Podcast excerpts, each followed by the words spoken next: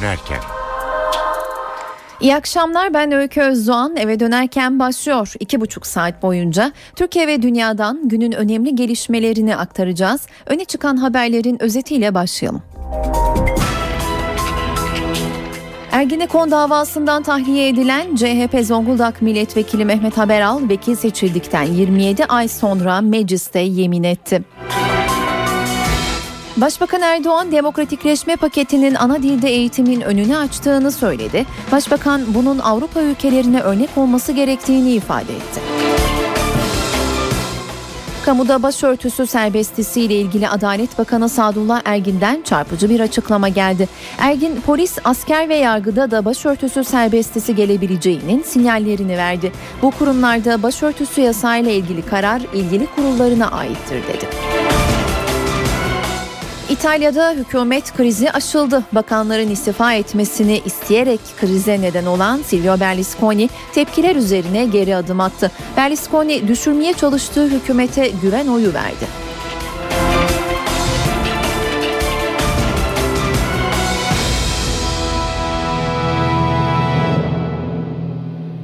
Türkiye Büyük Millet Meclisi yeni yasama yılına hızlı girdi. Bugün ve yarın meclisin gündemi çok yoğun. Ergenekon davasından tahliye olan CHP milletvekili Mehmet Haberal tam 27 ay sonra parlamentoda yemin etti ve görevine başladı.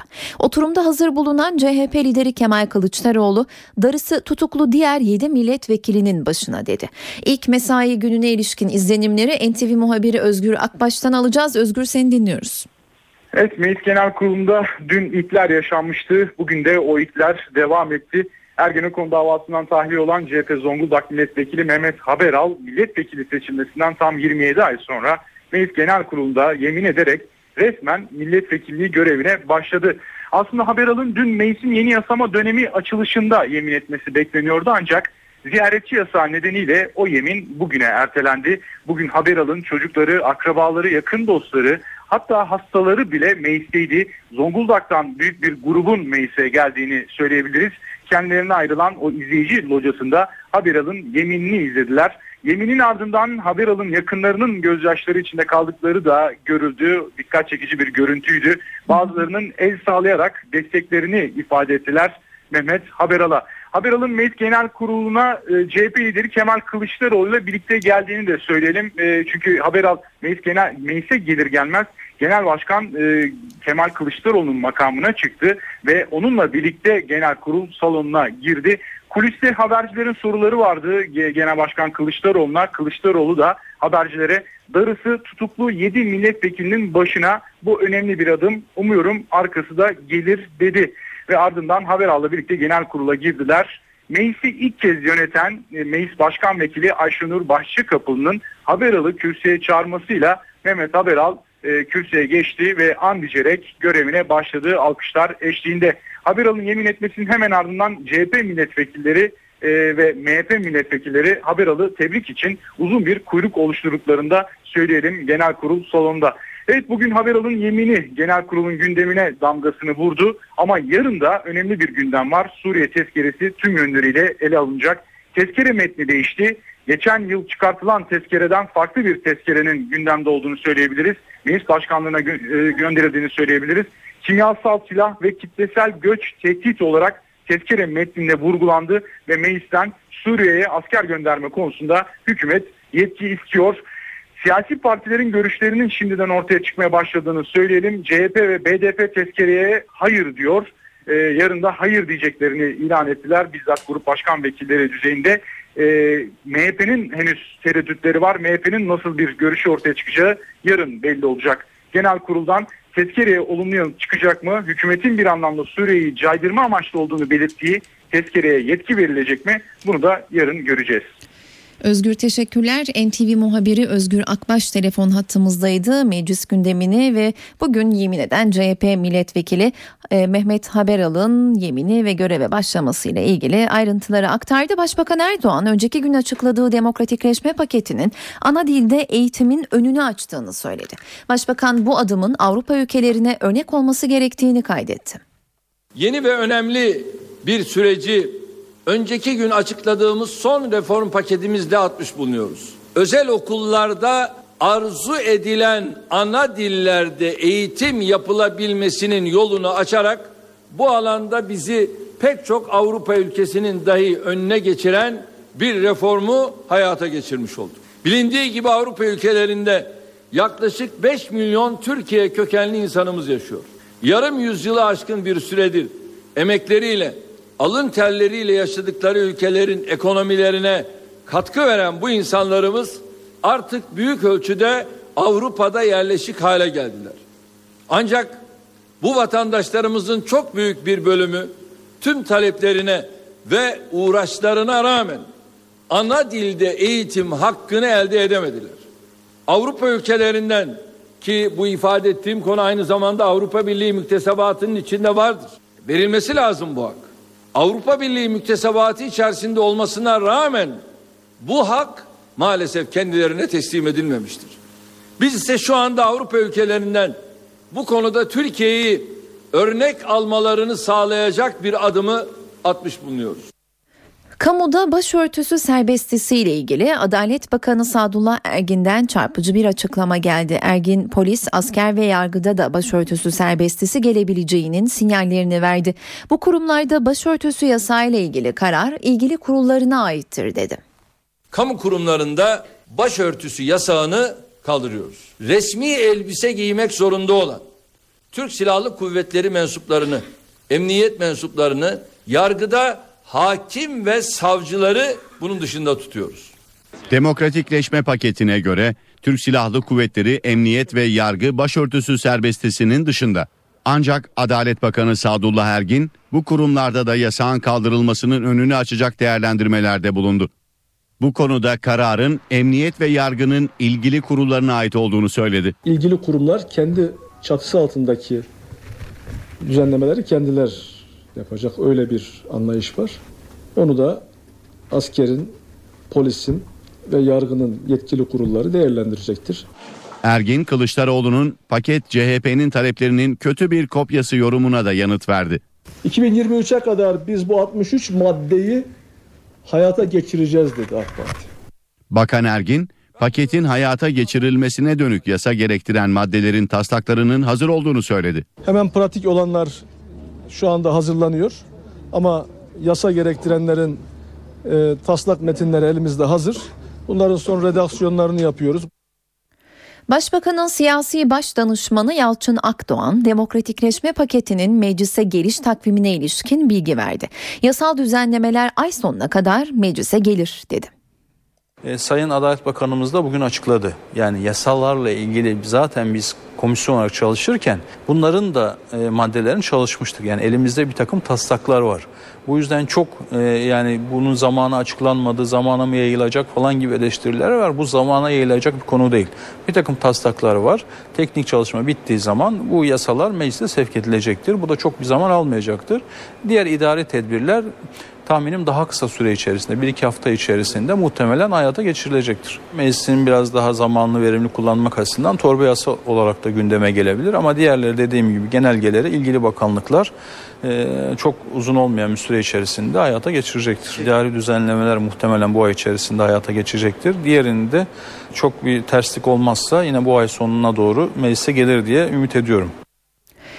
Eve dönerken de günün öne çıkan gelişmelerini aktarmaya devam ediyoruz. Sağlık Bakanı Mehmet Müezzinoğlu'ndan aile hekimlerine müjdeli haber geldi. Müezzinoğlu yapacakları düzenlemeyle uzman aile hekimlerine zorunlu hizmetin kaldırılacağını söyledi. Düzenleme torba kanun içinde yer alacak.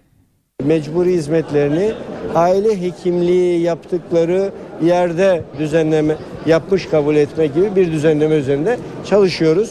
Uzaktan eğitimle uzman ünvanı alan aile hekimlerine iyi haber Sağlık Bakanı Mehmet Müezzinoğlu'ndan geldi. Şu anda onlar aile hekimi.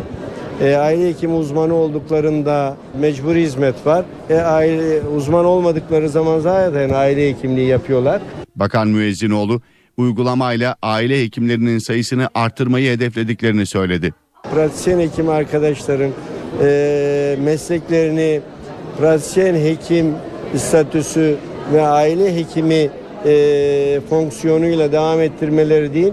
Tam aksine aile hekimi uzmanlığı e, statülerini de alarak devam etmelerini istiyoruz. Düzenlemenin önümüzdeki günlerde meclise gönderilecek torba kanun teklifi içinde yer alması bekleniyor. Bazı liseler boş kaldı. Milli Eğitim Bakanlığı adım attı. Bakanlık sınavla öğrenci alan liselerde boş kalan kontenjanlar için son kez ek yerleştirme yapacak. Milli Eğitim Bakanlığı bu okullara Eylül ayı içinde öğrencilerden yeni tercih alarak ek yerleştirme yapmıştı. Son kez yapılacak ek yerleştirme içinse yeniden başvuru alınmayacak.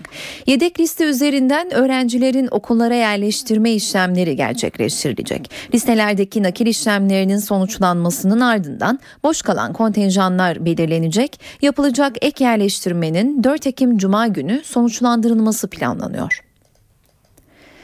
Yeni işçi alana İşkur'dan teşvik. İşkur işverenlere çağrıda bulundu. Yeni işçi alın, teşvik verelim dedi. İşkur özellikle kadınlar ve gençlerin işe alınması halinde 54 aya kadar prim desteği sağlayacağını açıkladı. 18-29 yaş arasındaki erkeklerle 18 yaşından büyük kadınları işe alan işverenlere 54 aya kadar varan sigorta prim desteği verilecek. Türkiye İş Kurumu İşkur 6 aydır işsiz olanların sigortalı olarak işe alınması şartıyla işverenlere prim desteği sağlayacak. Kurum özel sektörde bu kapsamda işe alınan her bir işçi için sigorta priminin işveren payını karşılayacak. 18-29 yaş arasındaki erkeklerle 18 yaşından büyük kadınlardan mesleki yeterlilik belgesi olan işçiler için işveren prim desteği 48 ay süreyle verilecek.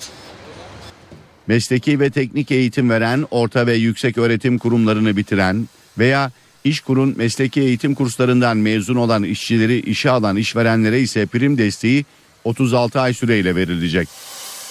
Hiçbir belge veya niteliği olmayan işçiler için teşvikse 24 ay süreyle devam edecek. Yeni işçilerin işkura kayıtlı işsizler arasından seçilmesi halinde teşvik süreleri 6 ay daha uzatılacak. İşkur halen çalışan işçiler için de mesleki yeterlilik belgesi alması ya da mesleki ve teknik eğitim veren okulları bitirmesi şartıyla 12 ay süreyle teşvik verecek. Merkez Bankası hükümete efelenmesin diyen Cumhurbaşkanı Başdanışmanı ve eski Merkez Bankası Başkanı Durmuş Yılmaz sözlerine NTV yayınında açıklık getirdi. Yılmaz sözlerim yanlış değil. Orada muhatap bendim. Ben bankanın bağımsızlığının kuvvetlenmesini isterim dedi. Durmuş Yılmaz Merkez Bankası Başkanı Erdem Başçı'nın kur hedefi vermesini de yorumladı. Merkez Bankası hükümete efelenmesin diyen Cumhurbaşkanı Başdanışmanı ve eski Merkez Bankası Başkanı Durmuş Yılmaz sözlerine açıklık getirdi. Orada söylenen söz kelimeler yanlış değil ama onun muhatabı herhangi bir başka kişi değil doğrudan doğruya ben kendimdim. Yani ben kendimdim biz Merkez Bankası'nı yönetirken para politikasını uygularken böyle yapmadık. Biz veriye baktık Evet. Efendim o veriye anlam verdik. O anlamı da uygulamaya koyduk. Yani bu işler efelenmeyle, diklenmeyle vesaire olmaz. Elinizdeki veriye bakın, veriyle bağlı kalın ve Merkez Bankası bağımsız da ancak böyle olur dedim. Yani evet. onun muhatabı ben kendimdim. Yılmaz sözlerinin basına yansımasının ardından Merkez Bankası Başkanı Erdem Başçı ile görüştüğünü belirterek Başçı tarafından yanlış anlaşılmadığını söyledi. İstanbul'da finans zirvesinin olduğu gün bu basına yansıdı. Ben orada Sayın Başkan başka bir toplantıya hızla gidiyordu. Arkasından koştum. Dedim ki durum böyle böyle. O dedi ki zaten altını okuduğunuz zaman dedi bu dedi anlaşılıyor dedi. Durmuş Yılmaz, merkez bankaları yönetimlerinin kur hedefi vermesinin günün gereksinimi haline geldiğini belirtti. Eski Merkez Bankası Başkanı dolar kuru için üstü kapalı bir tahmin de yaptı. 2002'den dalgalı kur rejimine geçtiğimiz günden bugüne kadar herhalde bugünkü dalgalanma 10. 11. dalgalanma. Mesela 2002 yılındaki dalgalanmada dalgalanma 106 gün sürmüş. Bu 106 günlük şeyde aşağı yukarı yüzde 31'e yakın değer kaybetmiş.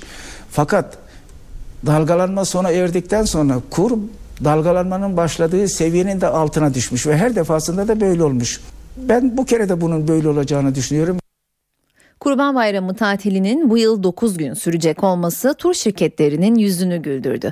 Yurt içi ve yurt dışı turlarına ilgi büyük. Toplamda 1 milyon kişinin tatil yapması bekleniyor. Bu veriler de bugüne kadarki en yüksek rakamlara işaret ediyor.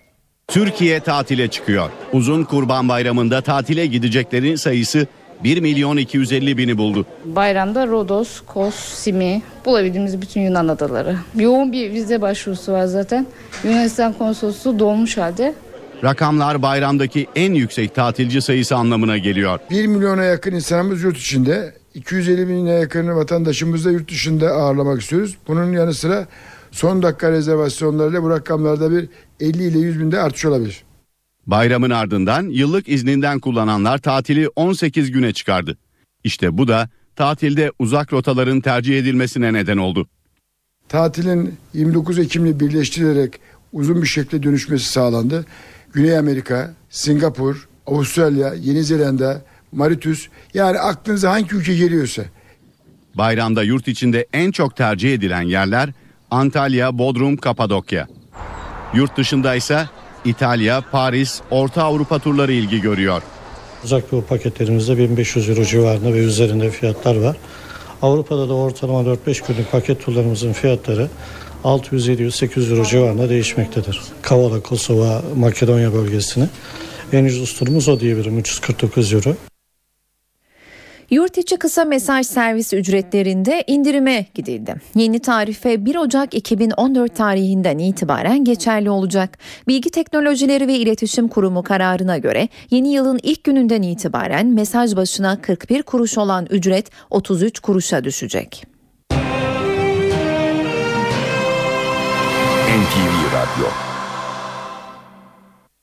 Dünya genelinde 50 kentte trafikte sürücülerin ne kadar dur kalk yaptığı hesaplandı. İstanbul birinciliği kaptırmadı. Bu durumun ülke ekonomisine getirdiği en önemli zarar daha fazla akaryakıt tüketimi. Araba firmalarına iki vites araba üretmelerini öneriyorum. Üçüncü vitese gerek yok İstanbul'da. İşimize gidemiyoruz, hiçbir şey yetişemiyoruz, zaman kaybı. Durup kalkmalarla benzin harcanıyor, para kaybı. Farklı ülkelerden 50 şehirde trafik yoğunluğu incelendi. İstanbul, Moskova, Pekin ve Roma'yı da geride bıraktı. Dünyada en fazla dur kalk yapılan şehir oldu. Sürücüler yılda ortalama 31.200 kez dur kalk yapıyor. Valla sol bacağımız felç duruma girmiş oluyor. Daha fazla yıpranıyoruz. İstanbul'da trafik sorunu bilinen bir gerçek. Sadece mesai saatlerinin başlangıcında ve bitişinde değil artık günün hemen her saatinde trafik yoğunluğunu görmek mümkün. Şehrin en işlek noktalarından 4. Levent'teyiz ve saatlerimiz öğleni göstermesine rağmen trafik yoğunluğu devam ediyor. Hal böyle olunca araçların durup kalkmasında İstanbul rekor kırıyor. Trafikte dur kalk işte debriyaj balatasına varana kadar fren balatasına varana kadar hepsinin ömrünü yarı yarıya düşürüyor. Peki sürücülerin bu kadar çok durup kalkması araçlarda hangi sorunlara neden oluyor ve bu sorunları en aza indirmek için neler yapmak, nasıl araç kullanmak gerekiyor? Şimdi bu soruların yanıtlarını öğreneceğiz. Yani trafikte durduğu zaman fitesi boşalmaları gerekiyor. Aksi takdirde ne oluyor? Debriyajı bitiriyor. Yani debriyaj balatasına zarar veriyor. Dünyada en az dur kalk yapılan şehir ise Hollanda'da. Rotterdam'da bir sürücü yılda ortalama 6000 kez dur kalk yapıyor. Ege ve Marmara bölgesinde sağanak yağış su baskınlarına yol açtı. Suyla dolan caddelerde araçlar yolda kaldı. Antalya'da ise hortum seraları yıktı geçti. Evlerin içi çamurlu suyla doldu. Cadde ve sokaklar göle döndü. Muğla'da sağanak etkiliydi. Ortaca'da Heyelan'da kopan kaya parçaları Muğla Fethiye yolunu bir saat ulaşıma kapattı. Köyceğiz'de ise Yangı Deresi taştı. Aniden geldi bastırdı. Hiçbir şey kalmadı oğlum hiçbir şey kalmadı orada. Yatak matak hepsi Her şey gitti ne varsa gitti. Sel girdi evin içine sel girip gider oldu. Ben kendim zor attım kendimi. Sağanak yağış Aydın'da da su baskınlarına yol açtı. Hepsi göl içinde. Hiçbir şey yok. Minderler, yastıklar yüzüyor evin içinde. İki devlet hastanesi ile arkeoloji müzesinin bodrum katını su bastı. Aydın-İzmir karayolunda araçlar yolda kaldı. Şehir merkezindeki bazı yollarda göçükler oluştu. Çanakkale'de cadde ve sokaklar göle döndü, araçlar yolda kaldı. Çan ilçesinde bir evin çatısına yıldırım isabet etti, yangın çıktı. Balıkesir'in Edremit ilçesinden de su baskını haberi geldi. Mazgallar tıkanınca su ve çamur ev ve iş yerlerine doldu. Antalya'nın Demre ilçesinde ise hortum seraları yerle bir etti. çok büyük bir gürültüyle uyandım. Biraz kesildi dışarı çıktım ne cam kalmış ne sera, tünel kalmış plastik. İlçede yaklaşık 100 dönüm sera zarar gördü. Sırada hava durumu var. Son hava tahminlerini NTV Meteoroloji Editörü Gökhan Avur'dan alıyoruz. İyi akşamlar. Marmara'da başlayan soğuma iç kesimlere doğru ilerliyor. Yarın Ege, Batı Karadeniz ve İç Anadolu sıcaklıklar azalacak. Cuma günü Akdeniz ve Doğu'da, cumartesi günü ise yurt genelinde sıcaklıkların hissedilir derecede azalmasını bekliyoruz. Yarın Trakya, Kıyı Ege, Batı Akdeniz ve İç Anadolu'nun batısında yağışlar etkisini giderek kaybederken Doğu Karadeniz'e daha kuvvetli olmak üzere Marmara'nın doğusu, Karadeniz'in tamamı, İç Anadolu'nun doğusu ve Doğu Anadolu'daki yağışlar devam edecek. Yağışların Samsun, Ordu, Giresun, Rize ve Tokat, Sivas arasında çok daha kuvvetli olmasını bekliyoruz. Marmara'nın doğusu, Karadeniz ve doğudaki yağışlar yer yer kuvvetli olmak üzere Cuma gününe devam edecek.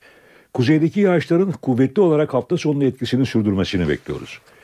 İstanbul'da yarın ama daha soğuk. Sıcaklık 13 derecenin altına inecek. Yağmur 4 günde aralıklarla devam edecek. Ankara yarın yağmurlu. Sıcaklık ise gündüz 14, gece ise 6 derece olacak. İzmir'de yağış etkisini kaybediyor. Yarın hava açık ama rüzgar oldukça soğuk gelecek ve sıcaklık 19 derecenin altına inecek. Hepinize iyi akşamlar diliyorum. Hoşçakalın. NTV Radyo Sırada ekonomi notları var. Para ve sermaye piyasalarındaki gelişmeleri CNBC'den Enis Şener'den aktaracak. Enis seni dinliyoruz. İyi akşamlar. Küresel belirsizlikler piyasalarda sert dalgalanmaların devam etmesine neden oluyor. ABD'nin borç tavanı sorunu hala çözülebilmiş değil. Amerikan Merkez Bankası'nın para musluklarını ne zaman kısmaya başlayacağı konusu da henüz netleşmedi. Avrupa'da ise İtalya'daki siyasi gerginlik piyasaları tedirgin ediyor. İşte bu ortamda Borsa İstanbul'da yön bulmakta zorlanıyor. Dün hızlı yükselen BIST 100 endeksi bugün %1'in üzerinde düşüş yaşadı. Analistler belirsizliklerin risk iştahını olumsuz etkilediğini ve Türkiye gibi gelişen ülkelere satış baskısı olarak yansıdığını söylüyor. TL tarafında da değer kaybı vardı. Dün iki seviyesinin altını test eden dolar TL bugün tekrar 2.02'lere yükseldi. Tahvil tarafında ise gösterge faiz %8.50'de tutunmaya devam ediyor. Altında ise zayıf da olsa toparlanma çabası var. Spot altın tekrar 1300 dolar seviyesini zorluyor. Ancak uzmanlar yatırımcıları altında düşüş trendinin devam edebileceğinin karşına, riskine karşı uyarıyor. Öykü.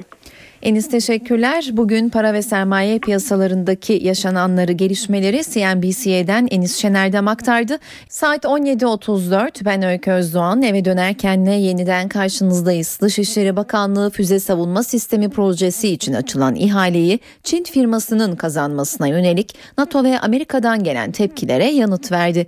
Bakanlık Sözcüsü Levent Gümrükçü süreç sonuçlanmış değil. NATO ile çeşitli düzeylerde görüş alışverişinde bulunuluyor dedi. Gümrükçünün Irak merkezi hükümetiyle gergin olan ilişkilerinin normalleşmesi yolunda atılan önemli bir adımı da duyurdu. Süreç henüz sonuçlanmış değil. NATO içerisinde bu konunun e, ilgi çekmesi ve Türkiye ile bu konuda görüş alışverişinde bulunulması gayet doğaldır. Türkiye'nin füze savunma sistemi için Çin firmasıyla görüşmelere başlamasının yankıları sürüyor. Dışişleri Bakanlığı Sözcüsü Levent Gümrükçü, Amerika ve NATO'dan gelen tepkilere yanıt verdi. Gümrükçü, NATO'dan bu yönde bir uyarı gelmesinin söz konusu olmadığını söyledi. Çeşitli düzeylerde bu görüş alışverişi son 3-4 gündür devam ediyor esasında. Ancak bunu bir tepki gösterilmesi veya bir uyarıda bulunması gibi algılamak yanlış. Gümrükçü, Dışişleri Bakanlığı'nın haftalık olağan basın toplantısında konuştu. Bir süredir gergin olan Irak merkezi yönetimiyle Türkiye arasındaki ilişkiler için atılan önemli adımları duyurdu. Levent Gümrükçü, Irak Dışişleri Bakanı Hoşar Zebari'nin Ankara'ya geleceğini bildirdi. Önümüzdeki dönemde büyük bir ihtimalle Sayın Zebari'nin önce Ankara'yı ziyaret etmesi öngörülüyor. E, henüz bir takvim, bir tarih belirlenmiş değil. Ancak bu e, ziyaret sırasında yapılacak görüşmeler ve alınacak kararlar çerçevesinde daha ne tür adımlar atılabileceğini de ileride ortaya koyacağız. Bakanlık sözcüsüne bazı Türk vatandaşlarının El-Kaide saflarında savaşmak üzere Suriye'ye götürüldüğü iddiaları hatırlatıldı.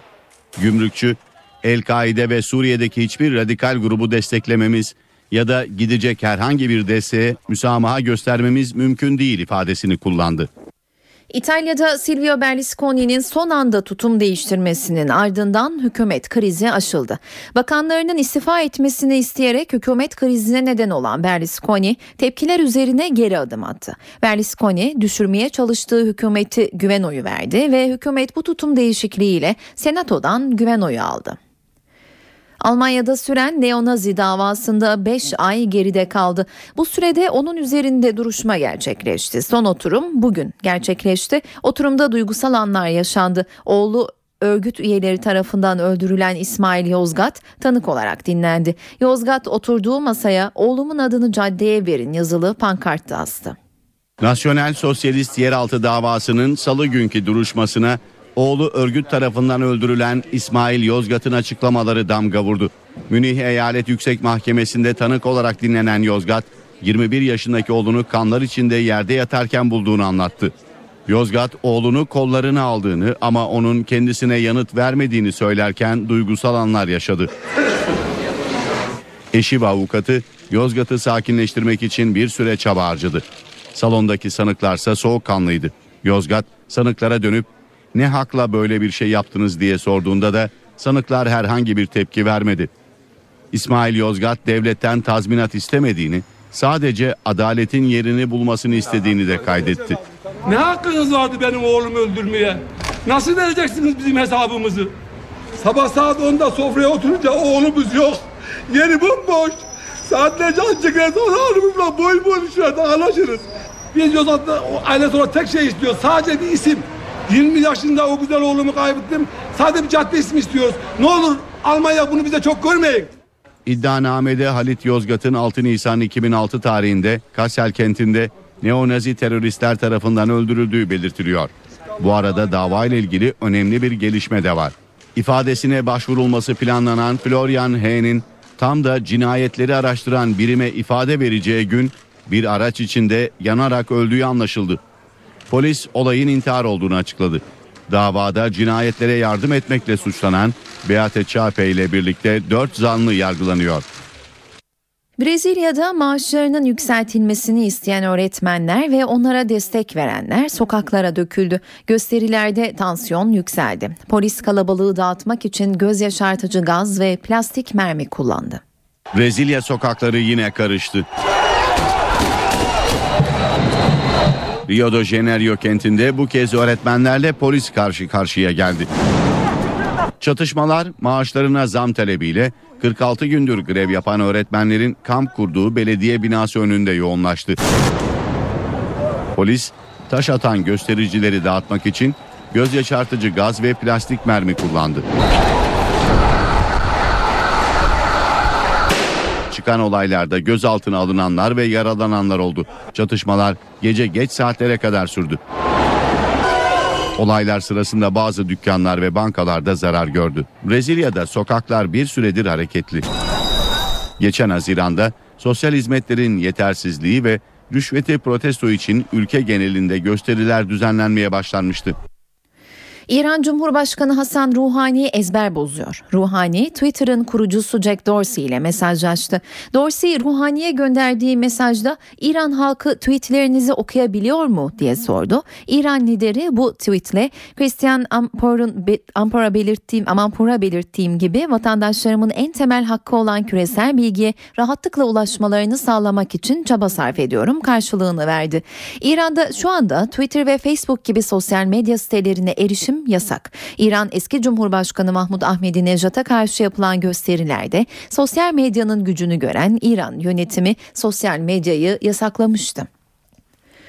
Sünnet tartışması Almanya'nın ardından tüm Avrupa'nın gündeminde. Avrupa Konseyi Parlamenter Meclisi sünnet konusunda tartışmaya yol açacak bir karar verdi. Karara göre sünnet bir insan hakları sorunu ve tıbben meşru değil. Sünnet fiziksel bütünlüğün ihlali. Bu ifade Türkiye'nin de üyesi olduğu Avrupa Konseyi Parlamenter Meclisi tarafından kabul edilen kararda yer aldı. 19'a karşı 77 oyla kabul edilen karar Alman Sosyal Demokrat parlamenter Marlene Ruppert'in raporuna dayanıyor. Raporla sünnet ilk kez erkek çocukların fiziksel bütünlüğünün ihlali yani bir insan hakları sorunu olarak tanımlanıyor. Türk parlamenterlerin karşı çıktığı raporda sünnetin tıbben meşru olmadığı görüşüne de yer veriliyor. Bu noktada sünnet için 14 yaşına kadar beklenmesi ve kararın çocuğa bırakılması öneriliyor. Sünnetin yasaklanması için bir çağrıda bulunulmuyor. Avrupa Konseyi Parlamenter Meclisi'nin onayladığı karar tavsiye niteliğinde. Ancak sünnet konusunda Strasbourg'dan çıkan ilk somut belge olma özelliğini taşıyor. Sünnet daha önce Almanya'da tartışma konusu olmuş, ülkede yaşayan Yahudi ve Müslüman topluluklardan tepki görmüştü. Japon ve Amerikalı doktorlar menopoza erken giren kadınların hamile kalmasını sağlayacak bir yöntem geliştirdi. Yeni yöntemle bir kadın anne oldu, bir başka kadınsa hamile kaldı. Erken menopoza giren 30 yaşındaki bir kadın yumurtalığın yeniden uyandırılması yöntemiyle bebek sahibi oldu. Yöntem Japon ve Amerikalı doktorlar tarafından geliştirildi. Erken menopoza giren 30 yaşlarındaki 27 kadının yumurtalıkları alındı ve laboratuvar ortamında yeniden aktif hale getirildi. Bu sayede 5 kadın döllenebilecek yumurtalar üretti. Bir kadının bu yöntemle anne olduğu, bir diğer kadının ise hamile kaldığı belirtildi. Bir kadın düşük yaparken diğer ikisinin yumurtaları ise henüz döllenmedi. Her 100 kadından birinin erken menopoza girdiği, çalışmanın bu açıdan önem taşıdığı belirtiliyor. Bilim insanları yöntemin kemoterapi gören kanser hastalarının ve 40'lı yaşlarındaki kadınların hamile kalmasına yardımcı olabileceğini söylüyor. Hindistan'da taşıyıcı anne yoluyla hamilelik büyük bir sektör haline geldi. Yoksul Hint kadınlar para karşılığında batılı ülkelerden zengin anneler için taşıyıcı anne oluyor. 600 zengin aile bu sayede çocuk sahibi oldu. Şimdi bunun için büyük bir tesis de inşa ediliyor.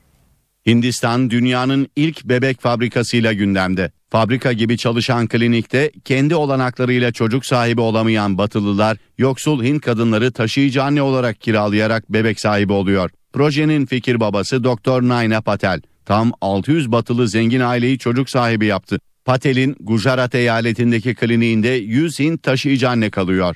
Taşıyıcı anneler bu şekilde kazandıkları paralarla kendi çocuklarının eğitim masraflarını karşılıyor. Hatta kendilerine ev alanlar bile oluyor.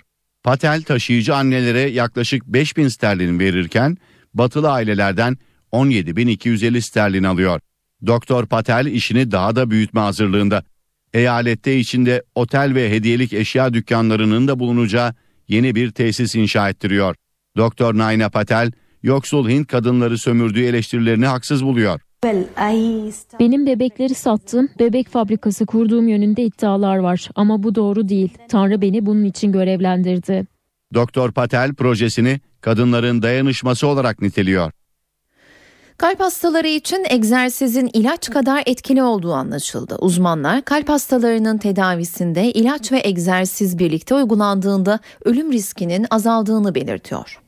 Kalp hastaları için egzersiz ilaç kadar etkili. İngiliz tıp dergisi British Medical Journal'da yayınlanan araştırma bu sonucu ortaya koydu. 340 bin kalp hastasının katıldığı araştırmada İngiliz ve Amerikalı uzmanlar egzersiz ve ilaçların hastalar üzerindeki etkilerini inceledi. Egzersizin ölümleri engellemede bazı kalp ilaçlarıyla yarışacak kadar etkili olduğu hatta felç ilaçlarından daha iyi sonuçlar verdiği saptandı. Ancak uzmanlar hastaları ilaçlarını bırakarak sadece egzersiz yapmamaları konusunda uyarıyor. Uzmanlara göre hem egzersiz hem de ilaç tedavisi birlikte uygulanmalı. Düzenli egzersiz, dengeli beslenme ve sigara kullanmamanın kalp krizi riskini %27 oranında azalttığı belirtiliyor. Avrupa iki Türk futbolcuyu konuşuyor. Dün oynanan Avrupa Şampiyonlar Ligi maçlarında Mesut Özil ve Arda Turan fırtınası yaşandı. Türk asıllı Mesut Özil Arsenal'ı, Arda Turan da takımı Atletico Madrid'i zafere taşıdı. Salı günü oynanan Avrupa Şampiyonlar Ligi maçlarında belki de gecenin yıldızıydı Mesut Özil. Real Madrid'den Arsenal'e rekor ücretle transfer olan Özil yeni takımıyla ilk golünü attı. Arsenal'in İtalyan ekibi Napoli'yi 2-0 mağlup ettiği gecede Özil takımının ikinci golünün asistini de yaptı. Maçın ardından da hocası Arsene Wenger'den Özil'e övgü dolu sözler geldi. Bence takımı sevdi. Büyük bir oyuncudan görmek istediğiniz her şeyi ilk yarı sahaya yansıttı. Kişisel beceri, takım oyunu, bitirici vuruşlar. Sadece oturun ve keyif alın. All uh, just uh, sit there and enjoy it. Sadece Wenger değil İngiliz basını da Özil'in performansını övdü.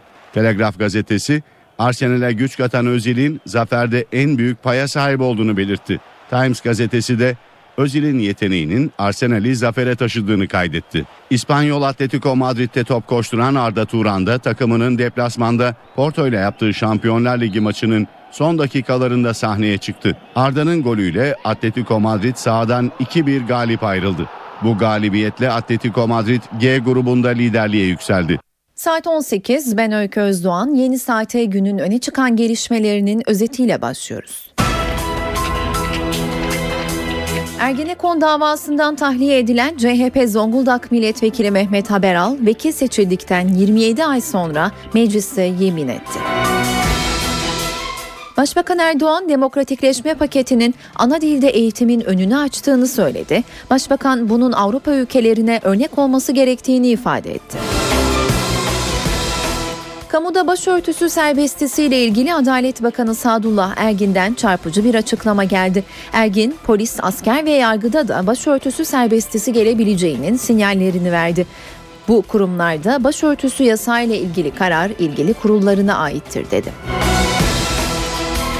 İtalya'da hükümet krizi aşıldı. Bakanlarının istifa etmesini isteyerek krize neden olan Silvio Berlusconi tepkiler üzerine geri adım attı. Berlusconi düşürmeye çalıştığı hükümete güven oyu verdi.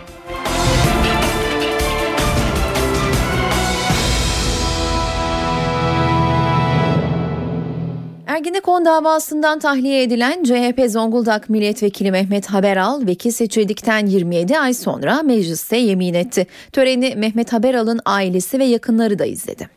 Sayın Mehmet Haberal'ı and içmek üzere kürsüye davet ediyorum. Tam 27 ay sonra meclise geldi. CHP Zonguldak Milletvekili Mehmet Haberal yemin ederek göreve başladı. Büyük Türk milleti önünde namusum ve şerefim üzerine and içerim. Haberal Genel Kurul salonuna CHP lideri Kemal Kılıçdaroğlu ile birlikte girdi. CHP'li milletvekilleri ayakta alkışlayarak karşıladı. Yemin törenini Haberal'ın ailesi ve Zonguldak'tan gelen yakınları da izleyici locasından takip etti. Mehmet Haberal'ı AK Parti dışındaki siyasi parti grupları tebrik etti. CHP lideri Kılıçdaroğlu bu tavrı ayıp olarak niteledi. Yemin töreninin ardından kürsüye gelen muhalefet sözcüleri tutuklu milletvekillerinin durumunu gündeme getirdi. Demokratikleşme paketi açıkladığı bir süreçte 7 milletvekilinin tutuklu olması bir demokrasi ayıbıdır. Sayın milletvekillerini, millet iradesiyle Türkiye Büyük Millet Meclisi'ne göndermiş bütün milletvekillerini yemin içmeye davet etmenizi ve bu çağrıyı yapmanızı e, istirham ediyorum. Halkın iradesini temsil eden bütün milletvekili arkadaşlarımızın da bir an önce görevleri başlarına dönmesini temenni ediyoruz. Başbakan Erdoğan önceki gün açıkladığı demokratikleşme paketinin ana dilde eğitimin önünü açtığını söyledi. Başbakan bu adımın Avrupa ülkelerine örnek olması gerektiğini kaydetti. Yeni ve önemli bir süreci önceki gün açıkladığımız son reform paketimizde atmış bulunuyoruz. Özel okullarda arzu edilen ana dillerde eğitim yapılabilmesinin yolunu açarak bu alanda bizi pek çok Avrupa ülkesinin dahi önüne geçiren bir reformu hayata geçirmiş olduk. Bilindiği gibi Avrupa ülkelerinde yaklaşık 5 milyon Türkiye kökenli insanımız yaşıyor. Yarım yüzyılı aşkın bir süredir emekleriyle, alın terleriyle yaşadıkları ülkelerin ekonomilerine katkı veren bu insanlarımız artık büyük ölçüde Avrupa'da yerleşik hale geldiler. Ancak bu vatandaşlarımızın çok büyük bir bölümü tüm taleplerine ve uğraşlarına rağmen ana dilde eğitim hakkını elde edemediler. Avrupa ülkelerinden ki bu ifade ettiğim konu aynı zamanda Avrupa Birliği müktesebatının içinde vardır. Verilmesi lazım bu hak. Avrupa Birliği müktesebatı içerisinde olmasına rağmen bu hak maalesef kendilerine teslim edilmemiştir. Biz ise şu anda Avrupa ülkelerinden bu konuda Türkiye'yi örnek almalarını sağlayacak bir adımı atmış bulunuyoruz. Kamuda başörtüsü serbestisiyle ilgili Adalet Bakanı Sadullah Ergin'den çarpıcı bir açıklama geldi. Ergin, polis, asker ve yargıda da başörtüsü serbestisi gelebileceğinin sinyallerini verdi. Bu kurumlarda başörtüsü yasayla ilgili karar ilgili kurullara aittir dedi. Kamu kurumlarında başörtüsü yasağını kaldırıyoruz. Resmi elbise giymek zorunda olan Türk Silahlı Kuvvetleri mensuplarını, emniyet mensuplarını, yargıda hakim ve savcıları bunun dışında tutuyoruz. Demokratikleşme paketine göre Türk Silahlı Kuvvetleri, emniyet ve yargı başörtüsü serbestisinin dışında. Ancak Adalet Bakanı Sadullah Ergin bu kurumlarda da yasağın kaldırılmasının önünü açacak değerlendirmelerde bulundu. Bu konuda kararın emniyet ve yargının ilgili kurullarına ait olduğunu söyledi. ilgili kurumlar kendi çatısı altındaki düzenlemeleri kendiler yapacak öyle bir anlayış var. Onu da askerin, polisin ve yargının yetkili kurulları değerlendirecektir. Ergin Kılıçdaroğlu'nun paket CHP'nin taleplerinin kötü bir kopyası yorumuna da yanıt verdi. 2023'e kadar biz bu 63 maddeyi hayata geçireceğiz dedi AK Parti. Bakan Ergin, paketin hayata geçirilmesine dönük yasa gerektiren maddelerin taslaklarının hazır olduğunu söyledi. Hemen pratik olanlar şu anda hazırlanıyor. Ama yasa gerektirenlerin e, taslak metinleri elimizde hazır. Bunların son redaksiyonlarını yapıyoruz. Avrupa Birliği Bakanı ve Baş Müzakereci Egemen Bağış, Brüksel'de demokratikleşme paketine ilişkin açıklamalarda bulundu. Egemen Bağış, Başbakan Erdoğan'ın artık Avrupa Birliği zirvelerine davet edilmediğinden de yakındı ve bu yüzden Türk halkının Avrupa Birliği'nden soğuduğunu kaydetti. Ayrıntıları NTV Brüksel temsilcisi Gülden Erson Umut'tan alacağız. Yaklaşık yarım saat önce Avrupa Komisyonu'nun genişlemeden sorumlu üyesi Stefan Füle ile görüştü. Avrupa Komisyonu her zaman Türkiye'ye yönelik bir eleştirisi vardı. Türkiye'de reformların yapılmadığını, muhalefet ile iktidar partisi hiçbir konuda anlaşamadığı yönünde. İşte bu yöndeki eleştiriyi kırmak amacıyla e, Kral FM'in geçtiğimiz Haziran ayında başlatmış olduğu ve radyoların itidal çağrısı konulu metni Avrupa Komisyonu'nun genişlemeden sorumlu üyesi Stefan Füle'ye sundu. Bu metin 200 yerel radyo, 10 ulusal radyo tarafından e, dillendirildi, yayınlandı ve 4 siyasi parti CHP, e, MHP ve AKP'nin başkan yardımcıları bu metnin altına imza atmışlardı. Aynı zamanda Taksim Gezi platformu yetkilileri de bu metnin altına imza attılar. İşte Egemen Bağış da bu metni alarak e, Stefan Füle'ye uzattı ve bakın biz bir sivil toplumun girişimiyle inisiyatifinin gerçekleştirmiş olduğu bir harekete 3 siyasi parti altına imzamızı attık. Demek ki her konuda değil bazı konularda anlaşma sağlayabiliriz diye. Ee, Egemen Bağış'ın sabah saatlerinde önemli açıklaması olmuştu. Demokratikleşme paketi konusunda özellikle ruhban okuluyla ilgili olarak Ankara gereken adım attı. Bundan sonra Atina'nın da artık mutlaka bir adım atması gerektiğini, kendisinin Başbakan Recep Tayyip Erdoğan ile birlikte Atina'dan bir caminin açılacağı yönüne sözlerin verildiğini artık bu sözlerin yerine getirilmesi gerektiğini söyledi. Bir başka önemli toplantıya katıldı Egemen Bağış. O da Avrupa Birliği'nin geleceğiyle ilgili olaraktı. Avrupa Birliği Dostları e, platformunda bir konuşma gerçekleştirdi ve Avrupa Birliği'nden Türk halkının hakikaten soğumaya başladığını hem Avrupa Birliği'nin kibirli tavrından hem vize politikalarından hem de müzakerelerde bir ilerleme kaydedilmesinden dolayı soğumaya başladığını açıkladı. Saat 18.12 ben Öykü Özdoğan eve dönerken de günün öne çıkan gelişmelerini aktarmaya devam ediyoruz. Merkez Bankası hükümete efelenmesin diyen Cumhurbaşkanı Başdanışmanı ve eski Merkez Bankası Başkanı Durmuş Yılmaz sözlerine NTV yayınında açıklık getirdi. Yılmaz sözlerim yanlış değil orada muhatap bendim. Ben bankanın bağımsızlığının kuvvetlenmesini isterim dedi. Durmuş Yılmaz Merkez Bankası Başkanı Erdem Başçı'nın kur hedefi vermesini de yorumladı. Merkez Bankası hükümete efelenmesin diyen Cumhurbaşkanı Başdanışmanı ve eski Merkez Bankası Başkanı Durmuş Yılmaz sözlerine açıklık getirdi. Orada söylenen söz kelimeler yanlış değil ama onun muhatabı herhangi bir başka kişi değil doğrudan doğruya ben kendimdim. Yani ben kendimdim biz Merkez Bankası'nı yönetirken para politikasını uygularken böyle yapmadık. Biz veriye baktık. Evet. Efendim o veriye anlam verdik. O anlamı da uygulamaya koyduk. Yani bu işler efelenmeyle, diklenmeyle vesaire olmaz. Elinizdeki veriye bakın, veriyle bağlı kalın ve Merkez Bankası bağımsız da ancak böyle olur dedim. Yani onun muhatabı ben kendimdim. Yılmaz sözlerinin basına yansımasının ardından Merkez Bankası Başkanı Erdem Başçı ile görüştüğünü belirterek Başçı tarafından yanlış anlaşılmadığını söyledi. İstanbul'da finans zirvesinin olduğu gün bu basına yansıdı. Ben orada Sayın Başkan başka bir toplantıya hızla gidiyordu. Arkasından koştum. Dedim ki durum böyle böyle.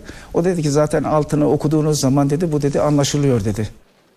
Durmuş Yılmaz, merkez bankaları yönetimlerinin kur hedefi vermesinin günün gereksinimi haline geldiğini belirtti. Eski Merkez Bankası Başkanı dolar kuru için üstü kapalı bir tahmin de yaptı. 2002'den dalgalı kur rejimine geçtiğimiz günden bugüne kadar herhalde bugünkü dalgalanma 10. 11. dalgalanma. Mesela 2002 yılındaki dalgalanmada dalgalanma 106 gün sürmüş. Bu 106 günlük şeyde aşağı yukarı yüzde 31'e yakın değer kaybetmiş.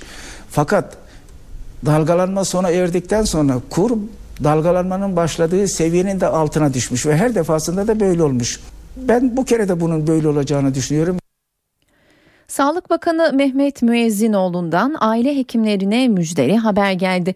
Müezzinoğlu yapacakları düzenlemeyle uzman aile hekimlerine zorunlu hizmetin kaldırılacağını söyledi. Düzenleme torba kanun içinde yer alacak. Mecburi hizmetlerini aile hekimliği yaptıkları yerde düzenleme yapmış kabul etme gibi bir düzenleme üzerinde çalışıyoruz. Uzaktan eğitimle uzman ünvanı alan aile hekimlerine iyi haber Sağlık Bakanı Mehmet Müezzinoğlu'ndan geldi. Şu anda onlar aile hekimi. E, aile hekimi uzmanı olduklarında mecburi hizmet var. E, aile uzman olmadıkları zaman zaten aile hekimliği yapıyorlar.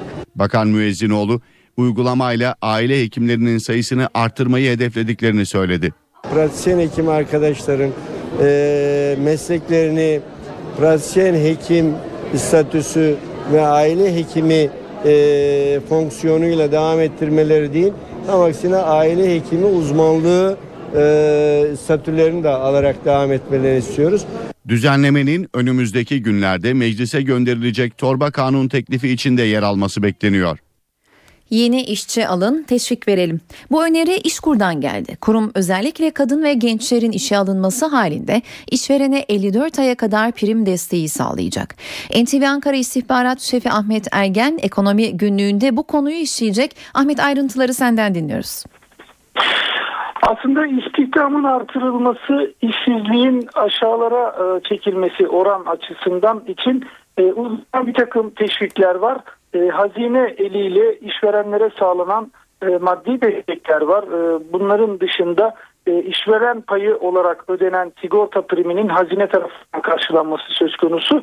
Ama benzer bir uygulamayı Türkiye İş Kurumu da sürdürüyor. Özellikle Türkiye İş Kurumu'na kayıtlı işsizlerin e, yeni e, sigortalı olarak işe e, alınmaları halinde bu destekler uygulanıyor. İşverenlere e, sigorta prim payını ödemek yoluyla bu destek veriliyor ve 54 aya kadar uzanıyor.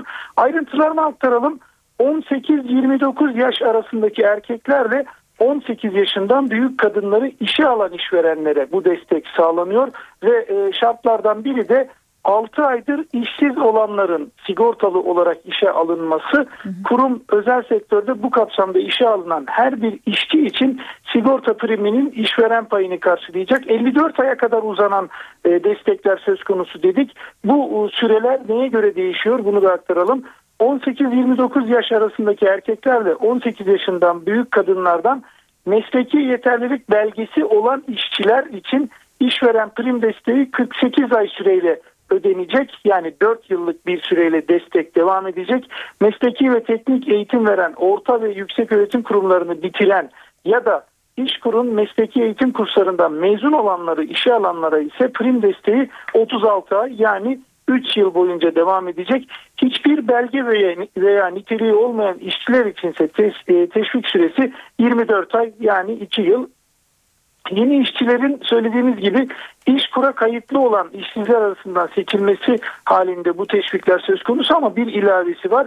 Eğer bu kapsamda işçiler işe alınırsa e, teşvik süreleri 6 ay daha uzatılacak. Halen çalışanlar için geçerli teşvikler de var. Türkiye İş Kurumu mesleki yeterlilik belgesi alması ya da mesleki teknik eğitim veren okulları bitirmesi şartıyla halen çalışan işçiler için de işverenlere 12 ay süreyle teşvik verecek. Bu desteklerden yararlanabilmek için 31 Aralık 2015 yani 2015 yılı sonuna kadar başvuru süresi var Öykü. Teşekkürler Ahmet. NTV Ankara İstihbarat Şefi Ahmet Ergen, İşkur'un yeni önerisi işçi alın teşvik verelim önerisiyle ilgili ayrıntıları aktardı.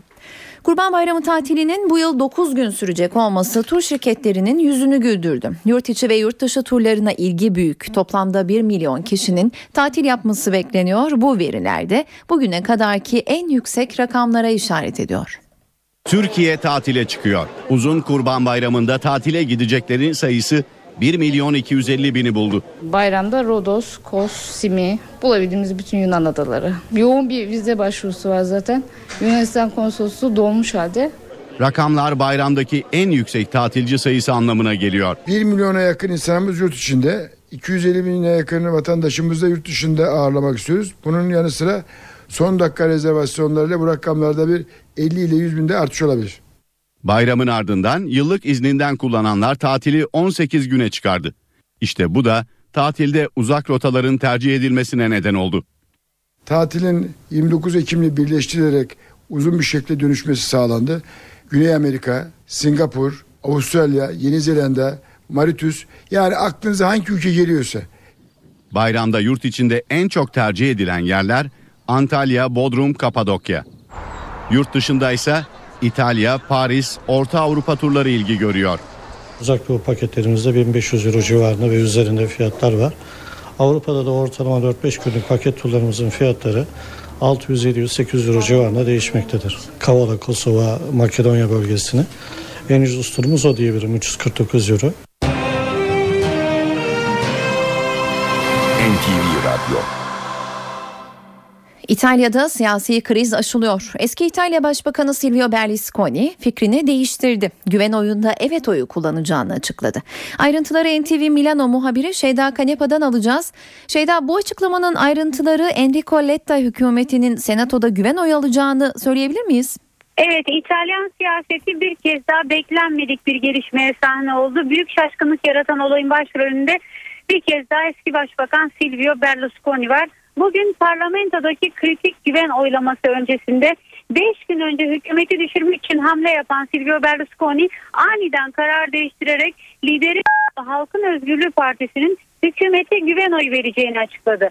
Sabah saatlerinde asla güven oyu vermeyeceğine dair defalarca açıklama yapan eski başbakanın geri adım atmasında partisinde oluşan bölünmenin neden olduğu belirtilirken Berlusconi kararına gerekçe olarak İtalya'nın bir reform hükümetine ihtiyacı olmasını gösterdi. Sancılı da olsa hükümete güven verme kararını almanın doğru olduğuna değinen Berlusconi kararını Başbakan Letta'nın bu sabah Senato'da hükümet düşerse bir felaket riski oluşur sinyalini verdiği konuşmasından sonra aldığını söyledi. Berlusconi'nin pes edip geri adım atması inanılmaz bir gelişme olarak değerlendirilirken eski başbakanın kendisine res çeken milletvekillerini tekrar kazanmak için böyle davrandığı yönünde izlenimler var. Ancak bölünmeler olacağı konusunda kuvvetli işaretler geliyor. Bu arada senatodaki oylama tamamlandı ve hükümet 235 oy ile rahat bir şekilde çoğunluğu sağladı. Milano borsası Berlusconi'nin açıklamasından hemen sonra belirgin yükselişe geçti ve 2 puan kazandı. Akşam saatlerinde ise Temsilciler Meclisi'nde yani parlamentonun alt kanadında bir oylama yapılacak. Yine güven oyu isteyecek hükümet artık bunu almasını kesin gözüyle bakılıyor. Ancak birkaç saat öncesine kadar birbirlerine ağır ithamlarda bulunan koalisyon hükümetinin iki büyük partisi mensuplarının hükümet nezdinde nasıl bir işbirliği içinde olacağı bundan sonraki günlerde nasıl davranacağı gerçekten büyük merak konusu. Kısmi bir kabine değişikliğine gidilecek mi? Yeni polemikler olacak mı? Önümüzdeki günlerde hep birlikte izlemeye devam edeceğiz. Şeyda teşekkürler. NTV Milano muhabiri Şeyda Kanepa telefon hattımızdaydı. Eski İtalya Başbakanı Silvio Berlusconi'nin açıklamasıyla ilgili ayrıntıları aktardı. Almanya'da süren neonazi davasında 5 ay geride kaldı. Bu sürede onun üzerinde duruşma gerçekleşti. Bugünkü son oturumda duygusal anlar yaşandı. Oğlu örgüt üyeleri tarafından öldürülen İsmail Yozgat tanık olarak dinlendi. Yozgat oturduğu masaya oğlumun adını caddeye verin yazılı pankartla astı. Nasyonel Sosyalist Yeraltı davasının salı günkü duruşmasına oğlu örgüt tarafından öldürülen İsmail Yozgat'ın açıklamaları damga vurdu. Münih Eyalet Yüksek Mahkemesi'nde tanık olarak dinlenen Yozgat, 21 yaşındaki oğlunu kanlar içinde yerde yatarken bulduğunu anlattı. Yozgat oğlunu kollarına aldığını ama onun kendisine yanıt vermediğini söylerken duygusal anlar yaşadı. Eşi ve avukatı Yozgat'ı sakinleştirmek için bir süre çaba harcadı. Salondaki sanıklarsa soğukkanlıydı. Yozgat sanıklara dönüp ne hakla böyle bir şey yaptınız diye sorduğunda da sanıklar herhangi bir tepki vermedi. İsmail Yozgat devletten tazminat istemediğini, sadece adaletin yerini bulmasını istediğini de kaydetti. Ne hakkınız vardı benim oğlumu öldürmeye? Nasıl vereceksiniz bizim hesabımızı? Sabah saat 10'da sofraya oturunca oğlumuz yok. Yeri bomboş. Saatlerce ancak sonra oğlumuzla boy boy dışarıda anlaşırız. Biz Yozgat'ta o ailesi olarak tek şey istiyor. Sadece bir isim. 20 yaşında o güzel oğlumu kaybettim. Sadece bir cadde ismi istiyoruz. Ne olur Almanya bunu bize çok görmeyin. İddianamede Halit Yozgat'ın 6 Nisan 2006 tarihinde Kassel kentinde neonazi teröristler tarafından öldürüldüğü belirtiliyor. Bu arada dava ile ilgili önemli bir gelişme de var. İfadesine başvurulması planlanan Florian H.'nin tam da cinayetleri araştıran birime ifade vereceği gün bir araç içinde yanarak öldüğü anlaşıldı. Polis olayın intihar olduğunu açıkladı. Davada cinayetlere yardım etmekle suçlanan Beate Çape ile birlikte 4 zanlı yargılanıyor. Sünnet tartışması Almanya'nın ardından tüm Avrupa'nın gündeminde. Avrupa Konseyi Parlamenter Meclisi sünnet konusunda tartışmaya yol açacak bir karar verdi. Karara göre sünnet bir insan hakları sorunu ve tıbben meşru değil. Sünnet, fiziksel bütünlüğün ihlali. Bu ifade Türkiye'nin de üyesi olduğu Avrupa Konseyi Parlamenter Meclisi tarafından kabul edilen kararda yer aldı. 19'a karşı 77 oyla kabul edilen karar, Alman Sosyal Demokrat parlamenter Marlene Ruppert'in raporuna dayanıyor.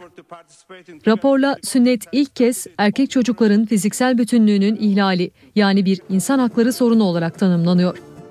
Türk parlamenterlerin karşı çıktığı raporda sünnetin tıbben meşru olmadığı görüşüne de yer veriliyor. Bu noktada sünnet için 14 yaşına kadar beklenmesi ve kararın çocuğa bırakılması öneriliyor. Sünnetin yasaklanması için bir çağrıda bulunulmuyor. Avrupa Konseyi Parlamenter Meclisi'nin onayladığı karar tavsiye niteliğinde. Ancak sünnet konusunda Strasbourg'dan çıkan ilk somut belge olma özelliğini taşıyor. Sünnet daha önce Almanya'da tartışma konusu olmuş, ülkede yaşayan Yahudi ve Müslüman topluluklardan tepki görmüştü. Amerika Birleşik Devletleri Başkanı Barack Obama, ülkesinde bazı kamu hizmetlerinin askıya alınması nedeniyle Malezya ve Filipinler gezisini iptal etti. Obama, ekonomik ilişkilerin geliştirilmesi amacıyla cumartesi günü başlayacak olan ve Endonezya, Malezya ve Filipinleri kapsayan bir Asya gezisi planlamıştı. Yapılan açıklamada Obama'nın Endonezya ile Brunei'ye gideceği ancak ülkedeki bütçe krizi nedeniyle Malezya ve Filipinler gezilerini erteleyeceği kaydedildi. Hindistan'da taşıyıcı anne yoluyla hamilelik büyük bir sektör haline geldi. Yoksul Hint kadınlar para karşılığında batılı ülkelerden zengin aileler için taşıyıcı anne oluyor. 600 zengin aile bu sayede çocuk sahibi oldu. Şimdi bunun için büyük bir tesis de inşa ediliyor.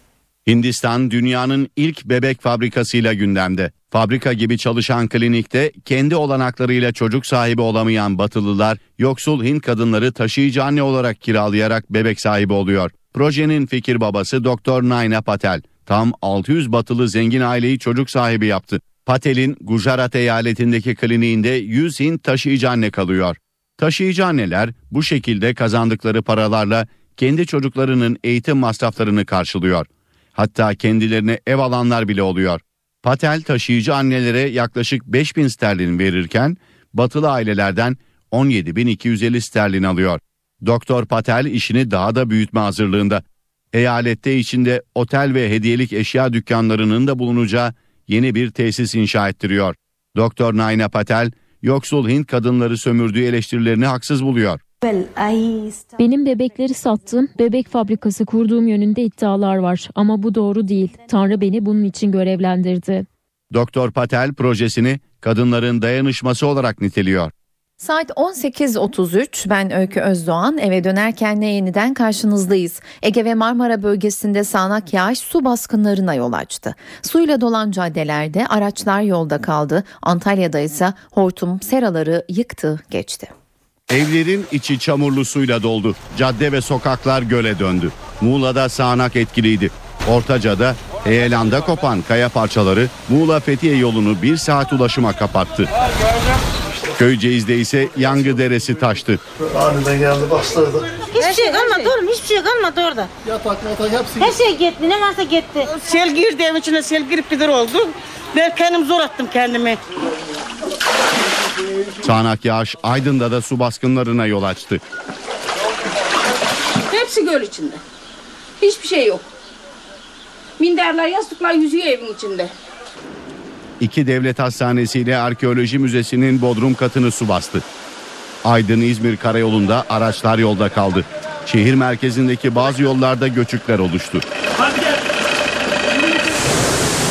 Çanakkale'de cadde ve sokaklar göle döndü, araçlar yolda kaldı. Çan ilçesinde bir evin çatısına yıldırım isabet etti, yangın çıktı.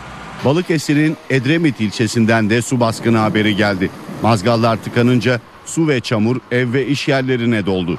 Antalya'nın Demre ilçesinde ise hortum seraları yerle bir etti. Çok büyük bir gürültüyle uyandım. Biraz kesildi dışarı çıktım ne cam kalmış ne sera, tünel kalmış plastik. İlçede yaklaşık 100 dönüm sera zarar gördü. Sırada hava durumu var. Son hava tahminlerini NTV Meteoroloji Editörü Gökhan Abur'dan alacağız. İyi akşamlar. Marmara'da başlayan soğuma iç kesimlere doğru ilerliyor. Yarın Ege, Batı Karadeniz ve İç Anadolu sıcaklıklar azalacak. Cuma günü Akdeniz ve Doğu'da, cumartesi günü ise yurt genelinde sıcaklıkların hissedilir derecede azalmasını bekliyoruz. Yarın Trakya, Kıyı Ege, Batı Akdeniz ve İç Anadolu'nun batısında yağışlar etkisini giderek kaybederken Doğu Karadeniz'e daha kuvvetli olmak üzere Marmara'nın doğusu, Karadeniz'in tamamı, İç Anadolu'nun doğusu ve Doğu Anadolu'daki yağışlar devam edecek. Yağışların Samsun, Ordu, Giresun, Rize ve Tokat, Sivas arasında çok daha kuvvetli olmasını bekliyoruz. Marmara'nın doğusu, Karadeniz ve doğudaki yağışlar yer yer kuvvetli olmak üzere Cuma gününe devam edecek. Kuzeydeki yağışların kuvvetli olarak hafta sonunda etkisini sürdürmesini bekliyoruz. İstanbul'da yarın hava daha soğuk. Sıcaklık 13 derecenin altına inecek. Yağmur 4 günde aralıklarla devam edecek. Ankara yarın yağmurlu. Sıcaklık ise gündüz 14, gece ise 6 derece olacak. İzmir'de yağış etkisini kaybediyor. Yarın hava açık ama rüzgar oldukça soğuk gelecek ve sıcaklık 19 derecenin altına inecek. Hepinize iyi akşamlar diliyorum. Hoşçakalın. Sırada günün öne çıkan spor gelişmeleri var. Galatasaray yeni teknik direktörü Roberto Mancini ile ilk sınavına Devler Arenası'nda çıkıyor. Sarı Kırmızılar Şampiyonlar Ligi'ndeki ikinci maçında bu gece Juventus'a konuk olacak. Karşılaşma öncesi Torino'dan son bilgileri NTV Spor muhabiri Evren Göz aktarıyor. Galatasaray Şampiyonlar Ligi ikinci maçında Juventus'la karşı karşıya gelecek. Saat 21.45'te başlayacak bu zorlu mücadeleyi hakem Viktor Kassai yönetecek. Galatasaray'da Hamit Altıntop ve Eray İşcan sakatlıkları dolayısıyla bu zorlu mücadelede forma giyemeyecekler. Juventus'ta ise Tevez'in durumu maç saati belli olacak ancak aldığımız haberler Tevez'in oynayabileceği yönünde İtalyan medyasında bu yönde haberler yapıldı. Sarı Kırmızılar dün antrenman gerçekleşti maçın oynanacağı statta ve Aydın Yılmaz tercihi Mancini'nin çok konuşuldu. Aydın Yılmaz ilk 11'de forma giymesi muhtemel oyuncular arasında çalışmalarını sürdürdü. Bugün ise sabah saatlerinde Galatasaray Torino'nun stadında bir ter idmanı yaptı. Yaklaşık yarım saat süren bu antrenmanda son taktiklerini verdi Roberto Mancini. Maç günü yapılan bu antrenman dikkat çekiciydi. Aynı zamanda İtalyan medyasında Mancini çok konuşuldu. Baktığımız zaman Tutto Sport kaynatalım onları şeklinde bir başlık attı. Mancini'nin sözlerine yer verdi. Sihirbaz değilim. Juventus'u Galatasaray'dan daha çok tanıyorum şeklinde konuşmuştu Mancini. Bu yöndeki açıklamalarını satırlarına taşıdı. E, La Gazzetta dello Sport'a baktığımızda Mancini'ye dikkat başlığı e, öne sürüldü. Mancini'ye dikkat e, daha önce Lazio'nun başında, Fiorentina'nın başında ve Inter'in başında Juventus'a karşı e, takımın başında sahaya çıkmıştı Mancini. Bu yönde e, bazı haberler yapıldı. Corriere dello Sport'a Juventus Mancini'yi karşılayacak şeklinde e, Conte Mancini'yle daha ileride karşılaşmak isterdim şeklinde bir açıklama yapmıştı. Bu sözlere yer verdi. İtalyan gazeteleri Mancini'nin kariyerine baktığımızda en son 2010-2011 sezonunda Juventus'a karşı Manchester City ile sahaya çıktığını görüyoruz ve Avrupa Ligi'ndeki bu mücadele bir bir sona ermişti. Mancini kariyerinde 17 maç yaptı Juventus'a karşı 6 galibiyet, 7 beraberlik ve 4 mağlubiyet aldı. Juventus da bu sezon oldukça başarılı bir grafik sergiliyor. 8 maç oynadılar resmi olarak ve 6 galibiyet 2 beraberlikle henüz mağlubiyetle tanışmadı Juventus ve Carlos Tevez'in durumu tabii ki çok önemli. Arjantinli oyuncu bu maçta forma giyebilecek mi? Bunu maç saati bakacağız ve muhtemel 11'leri verelim. Galatasaray'ın kalesinde Muslera oynayacak. Defansta Ebu Sabri Çeycu Riera. Orta sahada Selçuk Melo ikilisi. Sağ kanatta Aydın Yılmaz. Sol kanatta Buruma. Forvet arkasında Snyder'in forma giymesini bekliyoruz. İleride ise Didier Drogba şeklinde çıkması muhtemel Galatasaray'ın. Juventus'a baktığımızda ise kalede Buffon olacak. Defansta bir üçlü.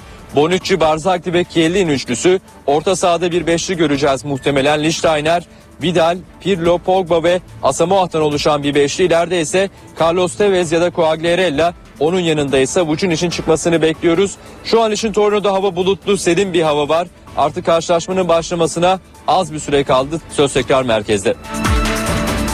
Galatasaray'ın yeni teknik direktörü Roberto Mancini Juventus maçı öncesi basın toplantısı düzenledi. Takımla daha sadece bir gün geçirdiğinin altını çizen İtalyan teknik adam terimin bıraktığı yerden devam etmek istediğini söyledi. Galatasaray'la 3 yıllık sözleşme imzalayan Roberto Mancini, sarı kırmızılı takımın başında çıkacağı ilk maç olan Juventus karşılaşması öncesi basın toplantısında konuştu. İtalyan teknik adam Galatasaray'ın eski teknik direktörü Fatih Terim'i överken onun bıraktığı yerden devam etmek istediğini dile getirdi. Fatih Terim'den sonra göreve geldiğim için üzerimde baskı hissetmeyeceğim. Fatih Terim tabii Avrupa'nın en iyi antrenörlerinden. Ancak futbolda böyle şeyler oluyor. Ben onun yaptığı işi devam ettireceğim. Ben Fatih Terim'in bıraktığı yerden devam etmek istiyorum. Tabii hedefimiz turu geçmek. Real Madrid karşısında ilk maç iyi geçmedi. Ancak Madrid'e herkes yenilebilir. Ama daha 5 maç var. Gruptan çıkmak istiyorum. Mancini takımla sadece bir gün geçirebildiğini ve Juventus maçının kendisi için çok zor olacağını söyledi. Şu anda hazır bir reçetem yok ama çok hazır bir kadrom var. Oyuncularımla sadece bir gün birlikte olabilir. Bizi zor bir maç bekliyor. Çünkü Juventus çok iyi bir takım. Yeni bir takımla çalışmaya başladığım için zor bir iş. Sadece iyi çalışarak galibiyet alacağım. Galatasaray'daki sistemi ve taktiği oyuncuları gördükten sonra belirleyeceğim. Yabancı oyuncuları daha önce tanıyordum. Ancak bazı Türk oyuncuları tanımıyordum. Galatasaray'ın çok iyi bir kadrosu olduğuna inanıyorum. Fatih Terim'in ofansif anlayışının yanına savunma anlayışı da ekleyeceğim. Mancini Galatasaray'a transfer süreci hakkında da bilgi verdi. Galatasaray ile transfer görüşmeleri çok hızlı gelişti. Görüşmeler 4-5 gün önce oldu. Daha sonra İstanbul'a geldi. Her şey çok hızlı oldu. Juventus'ta oynayan eski futbolcusu Carlos Tevez'i tekrar göreceği için mutlu olduğunu belirten Mancini, o iyi bir oyuncu ve beraber Manchester City'de güzel şeyler yaşadık diye konuştu. Fenerbahçe Başkan Vekili Abdullah Kiyılı, Alex'in futbolcu olarak Sarı Lacivertli takıma geri dönmesinin artık mümkün olmadığını söyledi. CNBC'de yayınlanan Finans Kafe programına konuk olan Kiyılı, buna rağmen Brezilyalı futbolcuyu övdü ve açık kapı bıraktı. E Alex e, yok bir daha geri gelmez. Mümkün değil yani. Futbolcu olarak gelmesi mümkün değil. Ama yapmış olduğu hizmetler çok önemli. Çok değerli hizmetler yaptı. Fenerbahçe seyircisinin kalbine girdi. Önemli olan e, kalbine girebilmek. E, taraftarın kalbine girdi. Fenerbahçe kulübüne büyük hizmetler yaptı ama işte kısmetmiş şans e, bir yerde ama ben inanıyorum ki ileride tekrar inşallah teknik direktörlük olabilir, sportif direktör olabilir. Tekrar gelme ihtimali var mı? Mutlaka vardır. Fenerbahçe tarihinin önemli bir yabancı e, futbolcusudur. Her Fenerbahçe'nin de daima kalbindedir, gönlündedir Alex. Trabzonspor UEFA Avrupa Ligi'nde oynayacağı Lazio maçının hazırlıklarını sürdürüyor. Sakatlığı büyük ölçüde geçen Kolman'la beraber diğer 6 yabancının da sahada olması bekleniyor. Teknik direktör Mustafa Akçay zorlu maç öncesinde oyuncularını rakibin isminden çekinmemeleri konusunda uyardı. UEFA Avrupa Ligi J grubundaki ilk maçında Apollon Limassol'u deplasmanda yenen Trabzonspor, Lazio mücadelesine de galibiyet parolasıyla hazırlanıyor. Teknik direktör Mustafa Reşit Akçay özellikle rakibin etkili orta saha oyuncularına karşı hücum hattındaki oyuncularından savunmaya sık sık yardım etmelerini istiyor. Akçay ayrıca oyuncularını rakibin isminden çekinmeden mücadele etmeleri konusunda da uyarıyor. Mustafa Akçay'ın yardımcısı Hamdi Zıvalıoğlu da oyuncularına rakibin eksik yönlerini ezberletti. Trabzonspor'da gol yükünü sırtlayan Brezilyalı futbolcu Paulo Henrique ise sorumluluklarının farkında olduğunu dile getirdi. Henrique, Lazio'dan çekinmediklerini ifade ederek biz kendi gücümüzü biliyoruz ve buna göre oynayacağız. Rakibimizin yaptıklarına takılmayız çünkü kendi istediklerimizi yaptığımız takdirde sağdan galibiyetle ayrılacağımıza inanıyoruz dedi. Bu sezon gollerin büyük bölümünü Avrupa'da attığını hatırlatan Henrique, Lazio maçında da bunu yapmak istediğini belirtti. Öte yandan Bordo Mavili ekipte 28 yaşına giren Olcan Adın ve 24 yaşına basan Zeki Ayvaz için de antrenman öncesinde doğum günü kutlaması yapıldı. Futbolcular doğum günü organizasyonunda kendileri için hazırlanan pastayı kesti. Şampiyonlar Ligi'nde heyecan sürüyor. Juventus Galatasaray karşılaşmasının yanı sıra Devler Arenası'nda birbirinden zorlu 7 maç daha oynanacak. Madrid derbisinde Atletico'ya 14 yıl sonra ilk kez mağlup olan Real Madrid, Şampiyonlar Ligi'nde Kopenhag sahasında ağırlıyor. Hem derbide alınan mağlubiyet hem de ligde geride kalan 7 haftada ortaya konan futbol nedeniyle Madrid basını teknik direktör Carlo Ancelotti'yi ağır biçimde eleştiriyor. Ancak kariyerinde iki Şampiyonlar Ligi şampiyonluğu bulunan İtalyan teknik adamın Devler Ligi'nde Kopenhag karşısında puan kaybetmeye tahammülü yok. Ancelotti'nin bu karşılaşmada takımı biraz daha ofansif bir anlayışla sahaya sürmesi bekleniyor. Gecenin önemli mücadelelerinden biri İngiltere'de Manchester City ile Bayern Münih arasında oynanacak.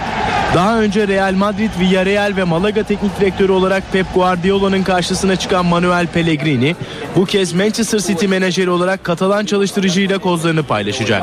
Pellegrini Guardiola'ya karşı daha önce iki El Clasico'da gülemezken Malaga'nın başında olduğu dönemde de Katalan teknik adamın çalıştırdığı Barcelona'ya 4 maçta üstünlük sağlayamadı. D grubunun diğer maçında CSKA Moskova ile Victoria Pilsen Moskova'da karşı karşıya gelecek. David Moyes yönetiminde bu sezon sürpriz puan kayıpları yaşayan ve hafta sonunda West Bromwich gibi Premier Lig'in zayıf ekiplerinden birine mağlup olan Manchester United ise Şampiyonlar Ligi'nin gediklilerinden Shakhtar Donetsk'e konuk oluyor.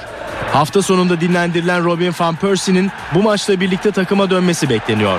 Rooney ise son 15 günde oynanan 4 maçta 5 gol atarak formunun zirvesinde olduğunu gösterdi. Luis Adriano, Bernard ve Fred gibi kaliteli Brezilyalı oyunculara sahip Mircea Lucescu ise United'ı devirerek bir sürprize imza atmayı hedefliyor. A grubunun 2 puansız takımı Bayer Leverkusen ile Real Sociedad ilk puanlarını hanelerini yazdırmak için Almanya'da kapışacak.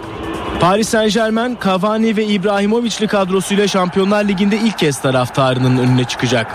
İlk maçta Olympiakos karşısında 3 golü köşe vuruşu organizasyonundan bulan Paris ekibi Benfica önünde zorlu bir sınav verecek. Paris Saint Germain'de sakat olan Thiago Silva dışında önemli bir eksik bulunmuyor. Paris Saint Germain ile Benfica 2 yıl önce Avrupa Ligi son 16 turunda karşılaşmış ve Portekiz temsilcisi rakibini eleme başarısı göstermişti. C grubunun diğer karşılaşması Anderlecht ile Olympiakos arasında Brüksel'de oynanacak. Saat 19 ben Öykü Özdoğan eve dönerken de yeni saate günün öne çıkan gelişmelerinin özetiyle başlıyoruz. Ergenekon davasından tahliye edilen CHP Zonguldak Milletvekili Mehmet Haberal vekil seçildikten 27 ay sonra mecliste yemin etti. Başbakan Erdoğan demokratikleşme paketinin ana dilde eğitimin önünü açtığını söyledi. Başbakan bunun Avrupa ülkelerine örnek olması gerektiğini ifade etti. Kamuda başörtüsü serbestisiyle ilgili Adalet Bakanı Sadullah Ergin'den çarpıcı bir açıklama geldi. Ergin polis, asker ve yargıda da başörtüsü serbestisi gelebileceğinin sinyallerini verdi. Bu kurumlarda başörtüsü yasayla ilgili karar ilgili kurullara aittir dedi.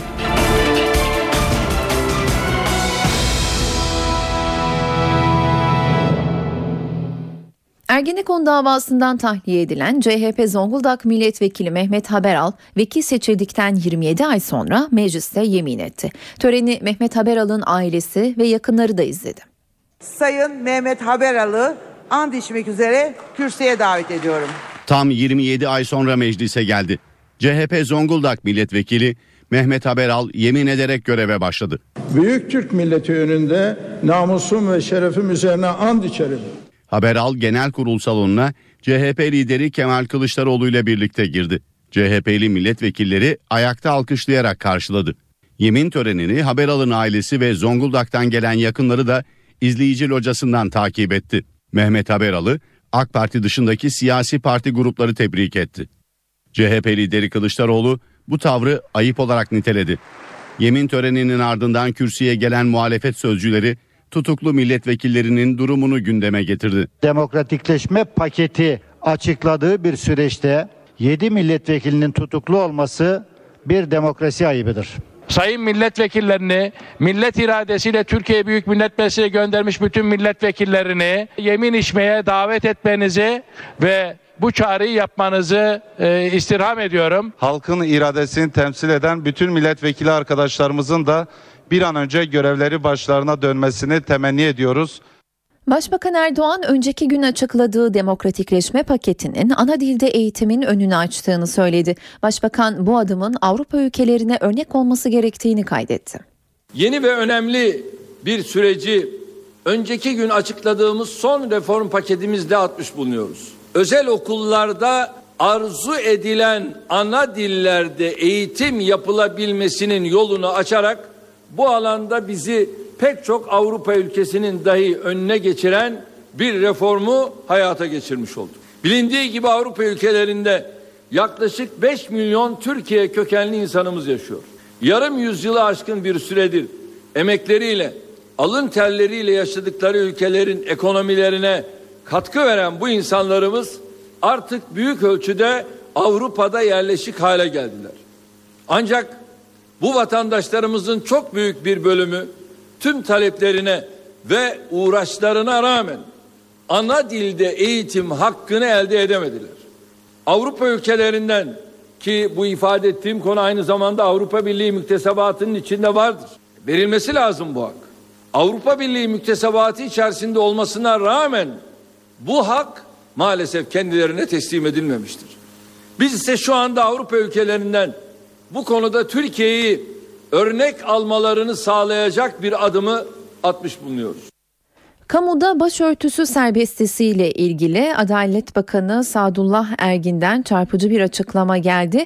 Ergin polis, asker ve yargıda da başörtüsü serbestisinin gelebileceğinin sinyallerini verdi. Bu kurumlarda başörtüsü yasayla ilgili karar ilgili kurullara aittir dedi. Kamu kurumlarında başörtüsü yasağını kaldırıyoruz. Resmi elbise giymek zorunda olan Türk Silahlı Kuvvetleri mensuplarını, emniyet mensuplarını yargıda hakim ve savcıları bunun dışında tutuyoruz. Demokratikleşme paketine göre Türk Silahlı Kuvvetleri, Emniyet ve Yargı başörtüsü serbestisinin dışında. Ancak Adalet Bakanı Sadullah Ergin bu kurumlarda da yasağın kaldırılmasının önünü açacak değerlendirmelerde bulundu. Bu konuda kararın emniyet ve yargının ilgili kurullarına ait olduğunu söyledi. İlgili kurumlar kendi çatısı altındaki düzenlemeleri kendiler yapacak öyle bir anlayış var. Onu da askerin, polisin ve yargının yetkili kurulları değerlendirecektir. Ergin Kılıçdaroğlu'nun paket CHP'nin taleplerinin kötü bir kopyası yorumuna da yanıt verdi. 2023'e kadar biz bu 63 maddeyi hayata geçireceğiz dedi AK Parti. Bakan Ergin, paketin hayata geçirilmesine dönük yasa gerektiren maddelerin taslaklarının hazır olduğunu söyledi. Hemen pratik olanlar şu anda hazırlanıyor ama yasa gerektirenlerin e, taslak metinleri elimizde hazır. Bunların son redaksiyonlarını yapıyoruz. İfade vermek için gittiği polis merkezinde gözaltına alınan BDP Diyarbakır İl Eş Başkanı Zübeyde Zümrüt nöbetçi mahkeme tarafından serbest bırakıldı. Zümrüt cezaevlerinde yapılan açlık grevleri nedeniyle izinsiz yapılan yürüyüşleri organize etmekle suçlanıyordu. Sur ilçesindeki karakola ifade için çağrılan Zümrüt gözaltına alındı. Nöbetçi mahkemeye ifade veren Zümrüt tutuksuz yargılanmak üzere serbest bırakıldı. İstanbul Gül Suyu'nda uyuşturucu çetelerinin hedefi olan Hasan Ferit Gedik'in cenazesi toprağa verilemedi. Cenaze dünden bu yana Armutlu Cemevi'nde bekletiliyor. Gedik için dün cenaze töreni düzenlendi. Hapiste olan babası jandarma eşliğinde cenazeye katıldı. Törenin ardından göstericiler cenazeyi vurulduğu yere götürmek istedi.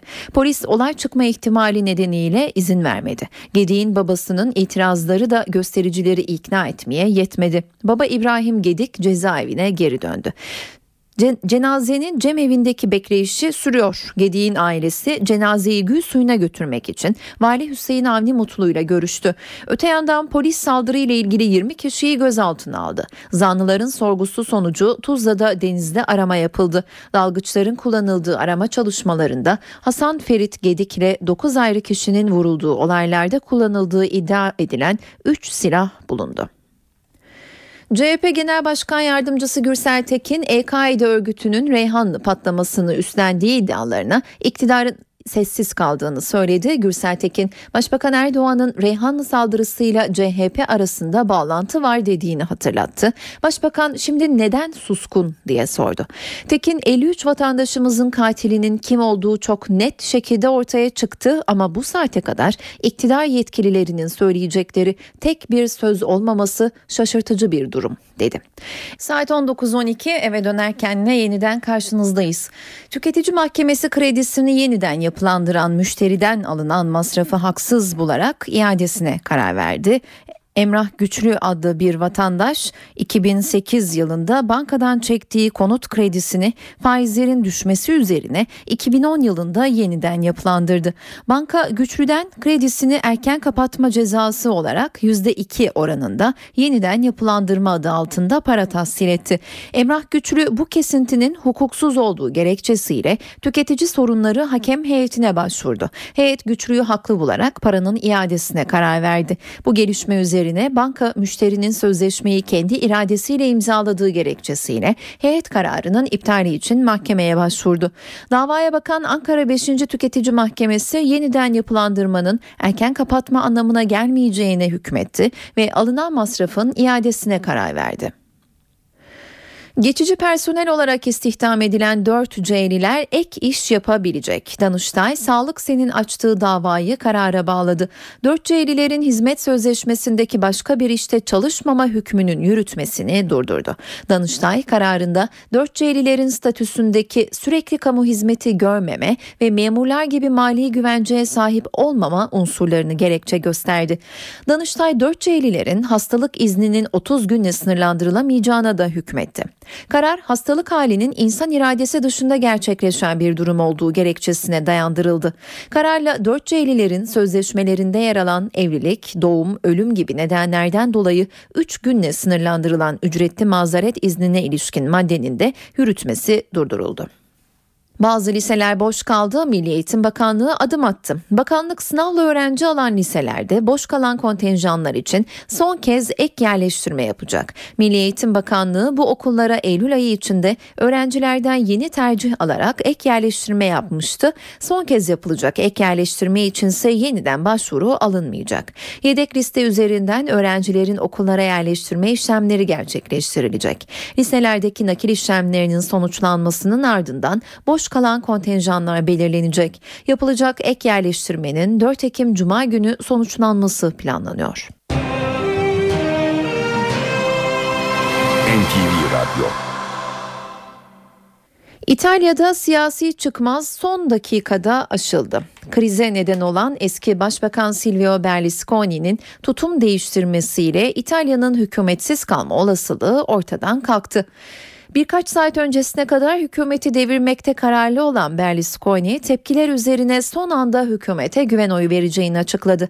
Eski İtalya Başbakanı'nın açıklamasının ardından hükümet beklendiği gibi senatodan güven oyu aldı. Partisinin önde gelen isimlerinin hükümeti düşürmeye sıcak bakmamasıyla köşeye sıkışan Berlusconi'nin geri adım atmak zorunda kaldığına dikkat çekiliyor.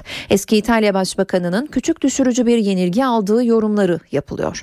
İtalya'da siyasi kriz eski başbakanın partisinden 5 bakanı kabineden çekme kararıyla patlak vermişti. Bakanların istifalarını kabul etmeyen Başbakan Enrico Letta güven oylamasına gitme kararı almıştı.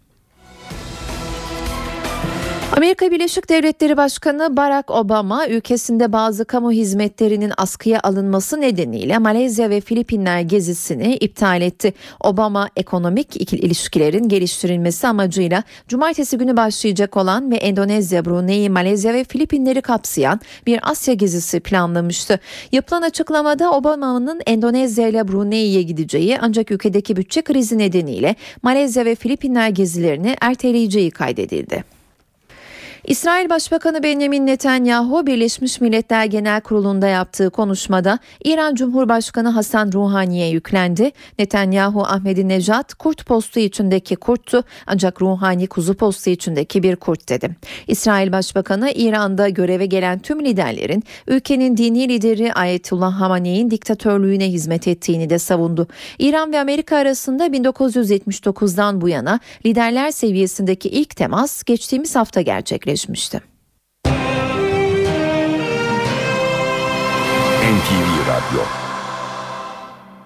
Eve dönerken programını kültür sanat bülteniyle bitireceğiz. Ben Öykü Özdoğan. Yarın akşam aynı saatte karşınızda olacağız. Şimdilik hoşçakalın. Anne Ben Barbar Mıyım başlığıyla devam eden 13. İstanbul Bienalinde bugün Halil Altındere'nin Harikalar Diyarı videosu görülebilir. Proje 600 yıldır roman nüfusuna ve kültürüne ev sahipliği yapan Sulukule semtinin 2006 yılında alınan bir kararla yıkılmasından sonra o semtin çocuklarınca dillendirilen öfke, direniş ve umudun bir belgesi. Altındere bu çalışmasında Biennale'in tartıştığı kamusallık ve öteki kavramlarını bir araya getiriyor. Hip hop camiasından Fuat Ergin'in de rol aldığı Altındere'nin çalışması büyük prodüksiyonlu, uzun süreli epik MTV kliplerini andırıyor. Harikalar Diyarı Antrepo 3 ve Salt Beyoğlu'nda görülebilir. Film ekiminde bu akşam Atlas Sineması'nda Sen Şarkılarını Söyle gösterimde. Coen kardeşlerin yönetmenliğini yaptığı film 2013 Cannes Büyük Ödülü'nün de sahibi. Filmin oyuncu kadrosunda Oscar Isaac, Carey Mulligan, Justin Timberlake ve Ethan Phillips gibi isimler yer alıyor. Müzik tarihinden melankolik, bazen acımasız olduğu kadar eğlenceli bir dönemi anlatan Coen kardeşlerin son filmi genç bir folk şarkıcısının 1961 yılında New York müzik piyasasında tutunma mücadelesini beyaz perdeye taşıyor. 1950'lerin folk direnişinden esinlenen filmde şarkıları oyuncular kendileri seslendiriyor. Film ekimi kapsamında bugün saat 21.30'da Nişantaşı Steez'de Sefer Tası, Beyoğlu'nda ise Gerçeğin Dansı izlenebilir. Saat 19'da da Atlas'ta Loki, Beyoğlu'nda Son Şans ve Nişantaşı Steez'de Gloria'nın gösterimde olduğunu ekleyelim. Akbank Jazz Festivali bu akşam Martin Fonsi ve Erik Vloymans'ı İstanbullu müzikseverlerle buluşturuyor. Hollanda'nın önde gelen bestecilerinden Martin Fonsi, Erik Vloymans'ın trompetiyle katıldığı Testimony projesiyle Akbank sanatta olacak. İkiliye sahnede Türkiye'nin başarılı yaylı çalgılar dörtlüleri arasında yer alan Lepidus Quartet de eşlik edecek. Performans saat 19'da başlıyor. 23. Akbank Jazz Festivali bu akşam ayrıca Grammy ödüllü trompetçi ve multi-enstrümantalist Nicholas Payton'ı ağırlıyor. Payton'a basta Vincent Archer, davulda ise Lenny White eşlik edecek. Konser mekanı Babylon. Etkinlik başlama saati ise 20. Harbiye Cemil Topuzlu açık hava sahnesi de Kenan Doğulu'yu ağırlıyor bugün. Konserin başlama saati 21. Jolly Joker İstanbul'da da Soner Sarıkabadayı dinlenebilir. Konser saat 21'de başlıyor. 4. Uluslararası Şefika Kutluer Festivali'nde de bu akşam Şefika Kutluer 10 müzisyenden oluşan Brandenburg Bach solistleri eşliğinde Bach'ın C minör suite'ini ve Brandenburg konçertolarının en meşhuru olan 5 numaralısını seslendirecek. Etkinliğin saat 20'de başladığını ekleyelim. Konser mekanı ise Resim Heykel Müzesi Ankara. Pilli Bebek de Ankaralı müzikseverler için bir konser veriyor. Grup saat 21'de Jolly Joker Ankara'da olacak. Bu akşam evdeyseniz CNBC'de saat 20.30'da UIP, ardından da Yes Prime Minister izlenebilir saat 21.30'da. Star TV'de ise saat 20'de yeni bölümüyle Muhteşem Yüzyıl ekranda olacak.